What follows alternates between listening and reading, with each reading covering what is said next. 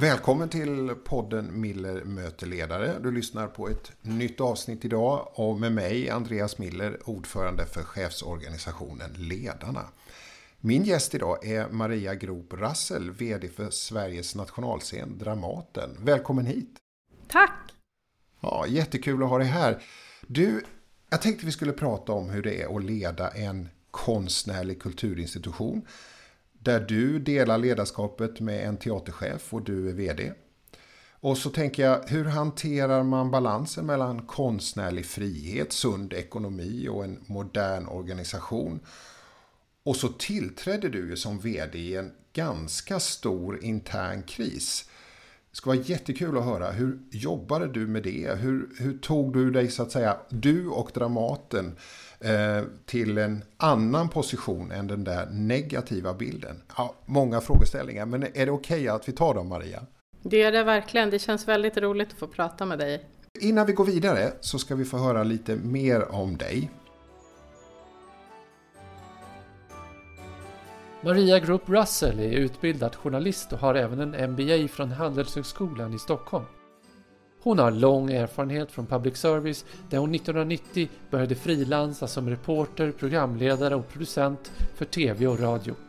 I början av 2000-talet blev Maria fast anställd av Sveriges Television där hon jobbat i många olika roller med allt från nyheter och programproduktion till utvecklingen av nya produktionsmetoder och teknisk utveckling. Hon har genom åren haft flera olika chefstjänster, bland annat divisionschef för SVTs programverksamhet i hela landet Stockholm, Umeå, Malmö och Göteborg samt varit chef för SVT Interaktiv. I början av 2019 tillträdde Maria som vice VD på Dramaten. Den rollen hann hon ha i två och en halv månad innan hon mitt i en kris med omedelbar verkan blev utnämnd till VD. Ja, Maria, som vi precis hörde så har ju du en lång och gedigen bakgrund inom public service. Vad var det som lockade dig att gå in i teatervärlden efter så många år? Ja, men jag har ju jobbat med innehåll på public service i stora delar av mitt yrkesliv inom en rad olika områden. Jag började med nyheter på radio, har jobbat på TV, har jobbat med barn och ungdomsprogram, programutveckling, drama, fakta, egentligen väldigt många genrer. Och det var det, att få jobba med innehåll på en teater och med organisation och människor och i den processen, det var väldigt lockande. Ja. Men du, det är ju en skillnad där tänker jag. På ett sätt, alltså, nu kanske du höll på med fiktion också på SVT. Men mycket var ju också fakta och verklighet. Och teatern är ju en... Det är ju liksom en... Det är en annan värld. Eh, var det den du lockades av också eller? Nej, men det, det, är, det är många likheter utifrån att det just är innehållsproduktion, att det är människor som ska skapa någonting tillsammans. Mm. Men, mm. men som du sa, det här, alltså public service är så många olika områden. Och teater är ännu mer en, en analog eh, skapande process. Det är en ännu mer utmanande skapande process ur ett annat perspektiv. Det finns många utmaningar med public service, innehåll, både radio och tv och digitaliseringen och allt där. Men mm. att skapa teater är ju att skapa konst. Det handlar ju om teaterkonst. Mm. Så det är ju mm. inte produktion på samma sätt som, som eh, TV.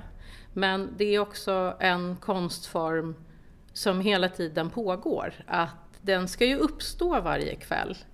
Eh, skådespelarna ska möta publiken och då ska teatern ske. Och det är alldeles fantastiskt. Det är, ja, det är svårt att göra teater. Tänker du lite grann så här med tanke på public service att det är teater i allmänhetens tjänst när man är på en nationalscen?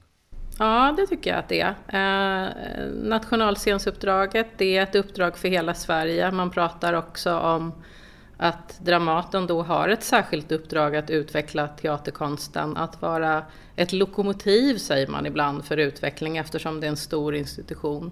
Och också att samarbeta och samverka med många andra institutioner. Det är en viktig arbetsplats. Och sen, det är klart, det pratar vi mycket om nu, att vad är nationalscen i den här tiden? Och kan man vara nationalscen och utan utan att ha ambitionen att på något sätt vara en angelägenhet för människor i hela landet. Det, det tror jag är jätteviktigt. Men jag, jag tycker absolut det är allmänhetens tjänst. Mm, mm. Men tänker du där då när du talar om det i de här tiderna att måste en nationalscen bli mer digital eller vad tänker du där för att nå hela befolkningen? Ja, men själva teateruppdraget, där är jag ganska eh, sträng som också har jobbat med digitalisering inom media. Teater är en analog konstform. Den ska upplevas i mötet när den sker. Sen kan man göra former av teater digitalt och sen så tycker jag att det som har hänt nu under pandemin till exempel, hela teaterbranschen har kommit vidare ganska mycket med digitalisering och det är ju ändå ett sätt att tillgängliggöra teaterutbud. Det, det är en, en service som jag tycker är alldeles fantastisk som vi ska fortsätta utveckla. Mm. Du, när man tänker på din vd-tid från eh, 8 april 2019 till du och jag pratar över datorn här idag den 14 december så kan man ju konstatera att det har ju verkligen inte varit någon lätt tid. Eh, för att precis som alla andra arbetsplatser så drabbades kanske, och kanske ni ännu mer av coronapandemin. Eh, vad har du fått göra under den här tiden som VD? Det var otroligt tungt att stänga ner teatern, men det var det vi gjorde då i våras. Sen började ju vi igen jobba med, det var en rad premiärer som vi inte kunde genomföra på våren och då sa vi då skjuter vi dem till hösten. Och så hade vi en väldigt bra dialog med styrelsen där vi också sa att vi spelar för 50 personer. Även om det bara är 50 så kommer vi att spela teater. För det var ju också en sån diskussion. Hur ska man göra, hur ska man göra nu? Men det är ju Dramatens uppdrag att eh, jobba med konstnärer, skapa teaterproduktioner. Och det fattade vi ett beslut tidigt om. Men det har varit eh, tufft och slitigt och ganska tjatigt för människor. Det här vi, vi säger något och så planerar vi om igen och så säger vi något och så blir det inte så. Vi hade, när vi kom tillbaks efter sommaren så fanns det ändå stort hopp.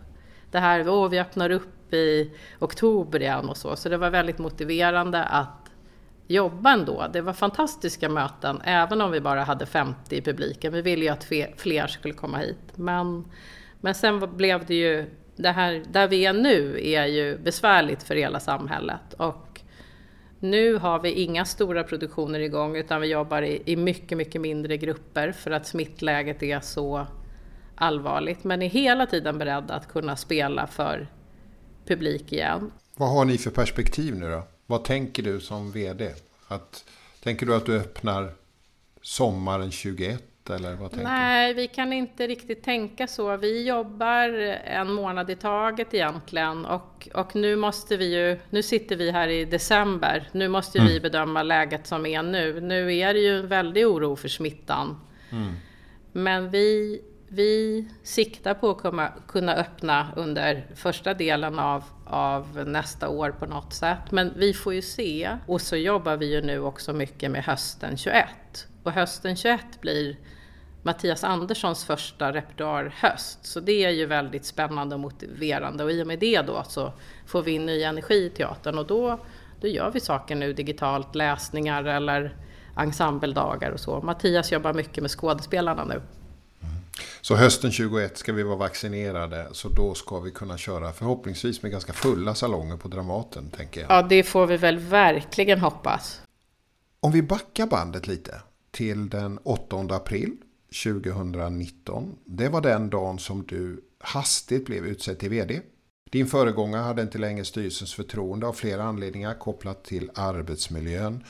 Det blåste rejält kring Dramaten kan man säga. Och jag vet att jag såg dig faktiskt i en intervju där precis den där 8 april. Och jag tänkte det här blir inget lätt uppdrag. Vad tänkte du då och där när du fick frågan om att bli vd?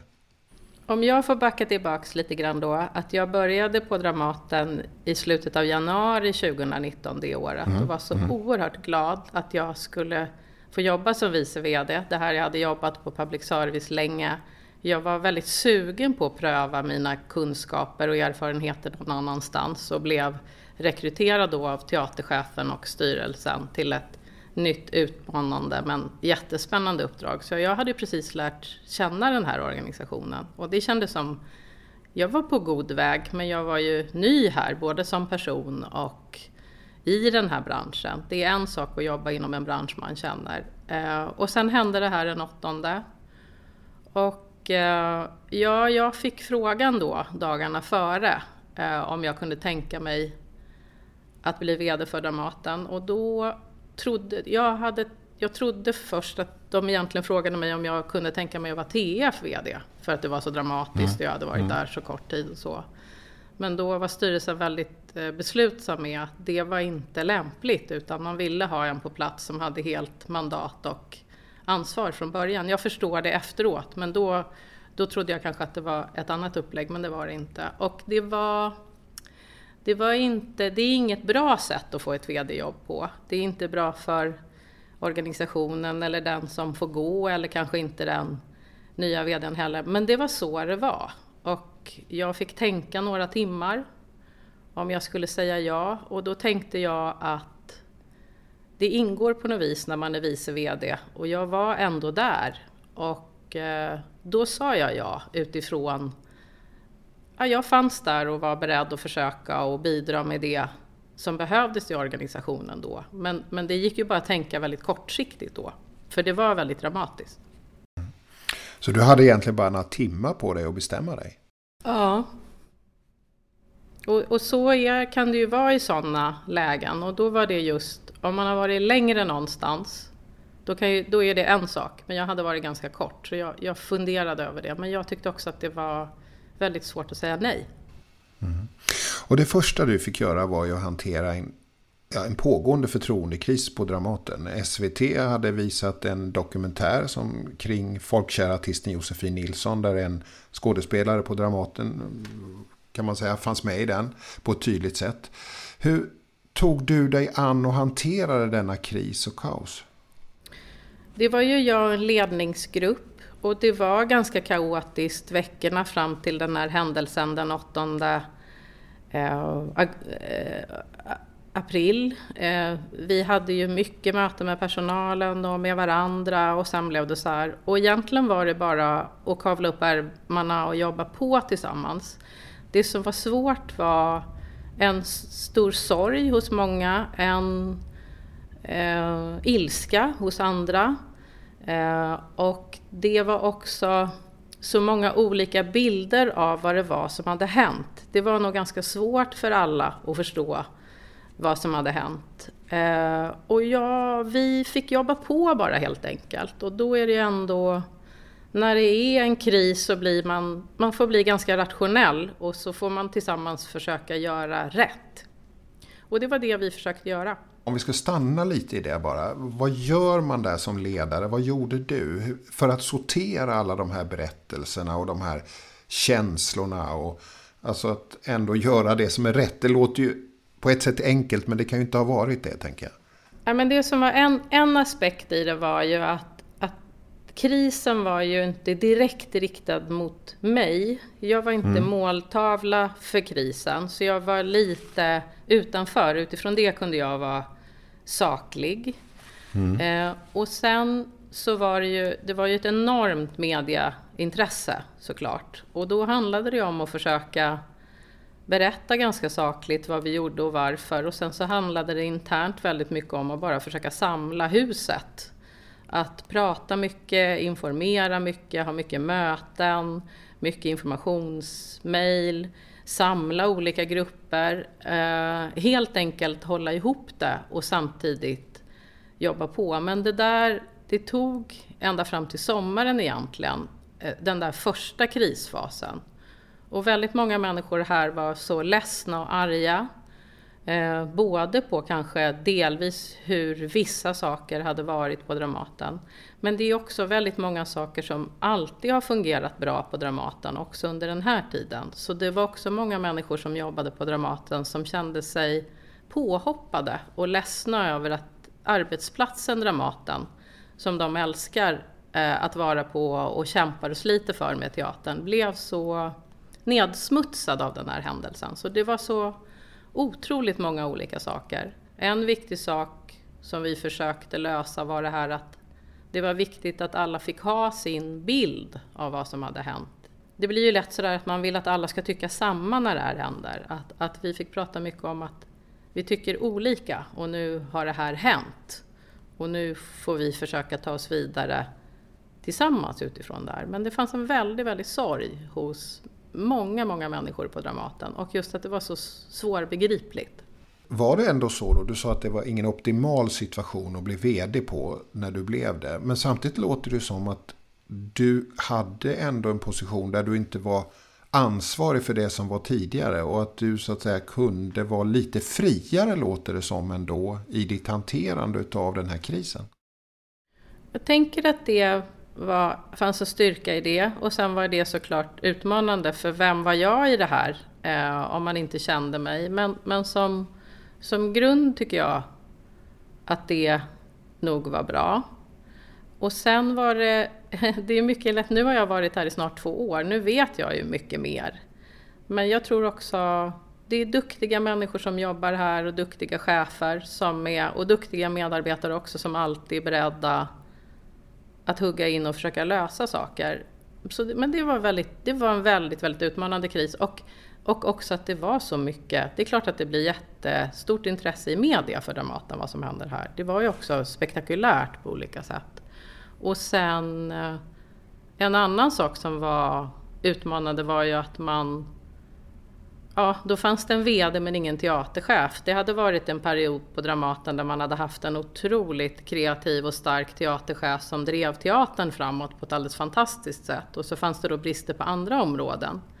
Men nu hade man en VD som absolut inte ska jobba med det konstnärliga. Så det blev ju ett, det har, det har aldrig hänt mig veterligen på Dramaten, nationalscenen, att man inte har en teaterchef under en ganska lång period. Och det, det är väldigt, väldigt allvarligt för det är teaterchefen som är den konstnärligt visionära personen på mm. teatern. Så men, det är men, väldigt dramatiskt. Hur löste du det då? då?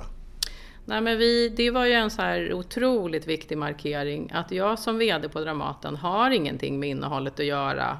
Nu kan jag vara mer med i de samtalen och ställa frågor och, och så. Men det är teaterchefens roll och då bildade vi en en arbetsgrupp som fick sköta det. det. det. var ju också mycket planering och bara göra klart och så. Men det var några på teatern som fick sköta det eh, arbetet under en ganska lång period. Och det, det, var också ett väldigt utmanande uppdrag. Och då skapade du, kan man säga, legitimitet för de konstnärliga besluten genom den här gruppen? Ja, det var, det var så. Men, men det fattades ju inte många nya konstnärliga beslut under den perioden utan det var en, en förvaltande fas som med stor respekt utifrån då den tidigare teaterchefens vision eh, färdigställde den repertoaren. Mm. Du, det har ju stormat runt Dramaten de senaste åren och innan, ett par år innan du tillträdde, eller ja, hösten 2017, så kom ju hela metoo-vågen eh, och Tystnad tagning där hundratals kvinnor vittnar om sexuella trakasserier och övergrepp inom teater och filmbranschen.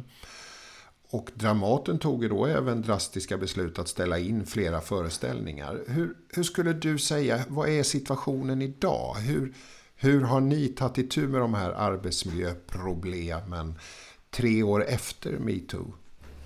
Nej, men om man, om man på Dramaten har man i alla tider jobbat mycket med arbetsmiljö under vissa aspekter. Man jobbar jättemycket med fysisk arbetsmiljö. Man har i grunden haft otroligt bra rutiner som vi liksom har plockat upp och, och eh, förädlat och utvecklat vidare. Man jobbar mycket med skyddsombud och samverkan och fackliga och sådär. Den strukturen har alltid funnits på Dramaten och det finns olika sådana organ för representantskap.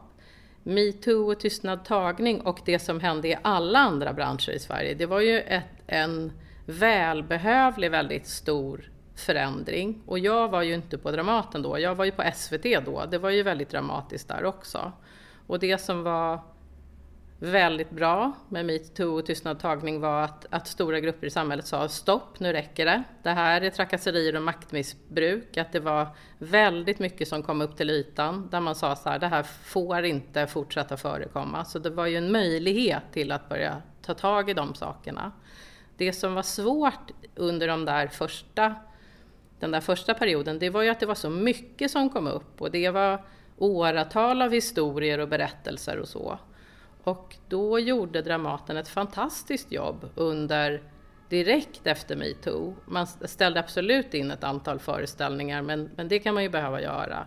Men man, hade, man förstärkte på HR, man gjorde workshops, utbildningarna, man bildade grupper och så. Och det var väldigt tydligt när jag, när jag började jobba här, att det fanns väldigt mycket att utgå ifrån i det vidare jobbet. Och så hände det där utifrån dokumentären, det var på något vis sista ja, någonting kopplat till det som, som hände. Och sen har vi jobbat vidare och det vi jobbar vidare med är dels det här att, att vi ska ha en organisation som är stabil och korrekt. Det är faktiskt grunden i arbetsmiljöarbetet. Det ska finnas chefer på plats. Det ska finnas en tydlig arbetsdelegation av uppgifter. Jag sa också väldigt tidigt, det var väldigt tydligt och det var viktigt att det är jag som ytterst ansvarig som VD för arbetsmiljön på Dramaten. Så fungerar det enligt arbetsmiljölagen. Och vi försökte förtydliga den, den strukturen. Och sen har vi, ja det finns ju en rad policies och dokument. Dramaten har väldigt bra sådana dokument för uppförandekod och etikpolicy. Sen får, fick vi mycket frågor, vad händer när någonting har hänt? Vad gör man och sådär? Så då har vi tagit fram en, en snabbguide som berättar för alla hur vi jobbar förebyggande. Hur gör vi för att det inte ska hända? Och det handlar ju om att ha en arbetsmiljö och ett klimat där man säger ifrån tidigt. Men sen menar jag, det är ju ett arbete som aldrig tar slut. Men, men det som har varit grunden i det är att vara, vara förutsägbar, ta allt på allvar som händer, också tidigt. Jobba med ledarutveckling och, och metoder för hur vi jobb, jobbar med kränkande behandling och kriser och att vi jobbar då både med fysisk arbetsmiljö men också det som är organisatorisk och social arbetsmiljö. Jag tyckte, jag noterade när jag började att jag tyckte att man redovisade så otroligt mycket aktiviteter som man gjorde. Och det är ju väldigt bra med aktiviteter. Men om man ska utveckla arbetsmiljön så måste det vara ett helt system. Och då tycker jag också att det handlar om att alla chefer har samma grund, det finns ett ledaransvar och ett medarbetaransvar. Men att man som chef också alltid är tillgänglig och verkligen tar det som händer på allvar.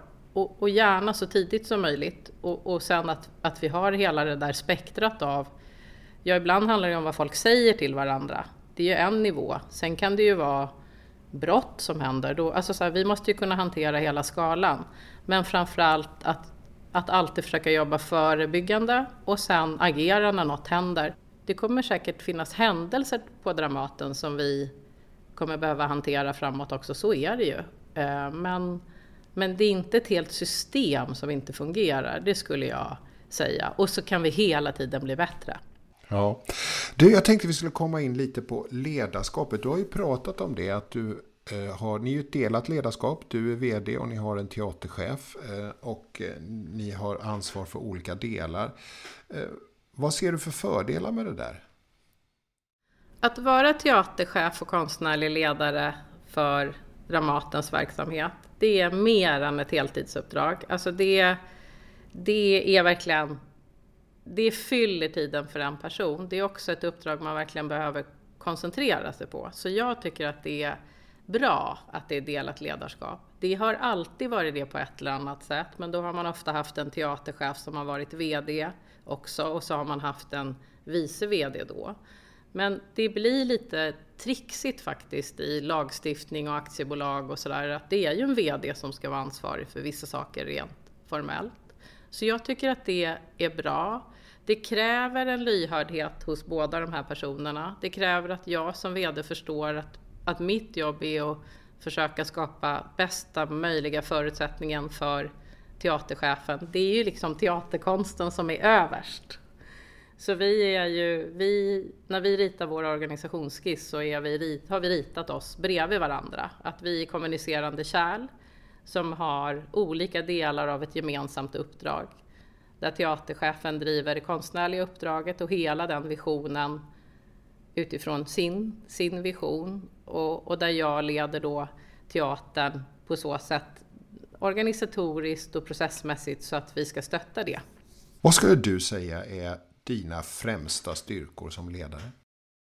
Jag har ju varit chef ganska många år nu, så jag har fått pröva det här.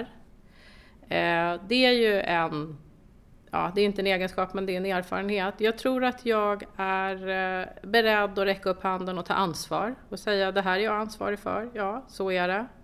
Jag tycker väldigt mycket om att jobba. Jag tycker om att förstå hela system. Jag tycker att det är spännande med hur fungerar en organisation och flöden mellan människor och sådär. Jag eh, är driven, jag vill saker. Eh, att, att bli chef är ju att få ett uppdrag eller ta på sig ett uppdrag. Då tycker jag att eh, jag tycker om att analysera det och försöka förstå vad det är och försöka faktiskt få ut så mycket av det som möjligt och utveckla det. Så olika sådana saker. Och sen tycker jag att det är väldigt roligt att jobba tillsammans med andra människor. Och så tror jag att jag har lite i mig sådär, jag vill att saker ska fungera och blir eh, frustrerad om man inte rör sig framåt eller eh, löser det tillsammans. Och det tror jag är någon sorts ledaregenskap. Att jag har en ganska positiv grundsyn på att det går att lösa allting om man, om man gör det. Har du någon förebild sådär, som ledare? Ja, men jag har många förebilder. Jag har ju haft fantastiska chefer på SVT. Eh, många kvinnor som är chefer. Eh, Kristina Jutterström, Eva Hamilton, Anne Wegelius.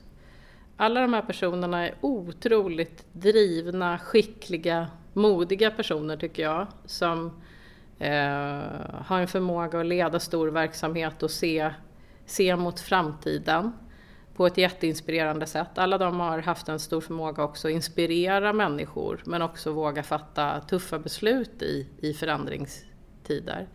Det som de också har är att alla har en, en mänsklig sida. Det tycker jag är jätteviktigt och inspirerande när man jobbar med någon, att det är ändå alltid människor.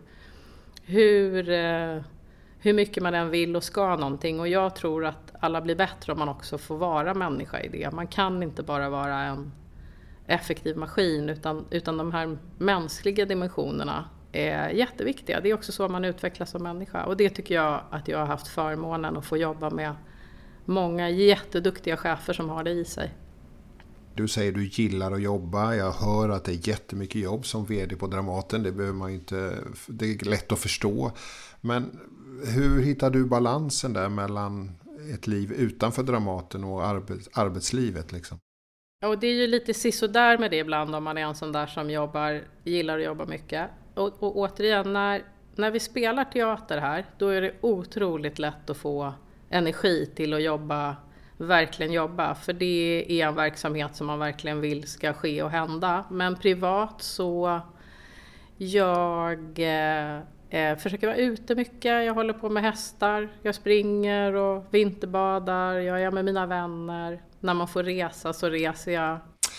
Eh, Maria Grop Rusell, eh, väldigt roligt att få lyssna till dig och eh, väldigt kul att du ville vara med i podden Mille möter ledare. Jag, jag tänkte vi skulle runda av lite och då tänker jag så här, vi har ändå vi har ju ändå rört oss kring några kriser kan man konstatera eh, under den här, det här samtalet. Vad, vad är, om du skulle vilja ge ett råd till chefer och ledare som behöver hålla huvudet kallt och leda i kris, vad, vad, vad skulle det vara för råd? Ja, men hålla huvudet kallt var väl ett, ett bra råd, men, men ett varmt hjärta. Att försöka förstå att det, det är människor i det här. Försöka utgå från saklig information. Alltså finns det fakta, försöka utgå från det, verkligen hjälpas åt med det. Och sen man klarar inte själv. Man måste vara ett litet lag som jobbar med en kris därför att man är mycket bättre på, på och bedöma läget och, och fatta beslut och så. Så att man måste, måste göra det tillsammans. Och sen be om hjälp tror jag. Att, att inte tro att man bara kan lösa det själv utan, utan man måste vara en liten grupp som, som hittar sätt att lösa det tillsammans. Det skulle jag säga. Eh, att man är, man är starkare när man är en en grupp. Och sen så tänker jag ibland när man jobbar med, jag har tänkt på det under pandemin, det är lätt nu ett antal månader senare och sitta och, och, säga vad man borde ha gjort. Alltså det är så lätt att vara efterklok. Det där får man ibland påminna sig om när man jobbar med kriser. Att, att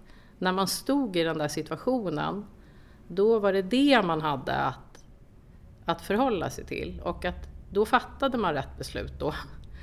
Och sen så händer det saker och får man, får man fatta nya beslut. Men det tycker jag är en sån viktig insikt för man, man kan, inte, kan inte hålla på och grämas ibland heller om det inte blev, det blev på något annat sätt. Men det där att, att försöka fatta beslut utifrån det man vet och så i efterhand förstå varför man fattade de där besluten. För det var nog det man visste då, så gjorde man så bra man kunde. Och så tror jag på att försöka vara så transparent man kan. Alltså det går inte att trixa i kriser. Jag tror ju verkligen på det, att berätta samma sak både, både utåt och inåt. Vad är det man gör och varför och så. Sen kanske inte det håller hela vägen men då blir man också ganska, ganska så konsistent i det man gör. Eh, det, det blir för svårt annars. Eh, få håll dig till fakta, ha ett varmt hjärta och var transparent. Mm. Jättekul att du var med i podden Millimeter ledare. Har det känts okej? Okay? Ja, absolut. Då önskar jag dig lycka till i ett fortsatt jätteviktigt uppdrag. Tack och välkommen till teatern sen när vi öppnar igen. Jag lovar, jag kommer. Tack.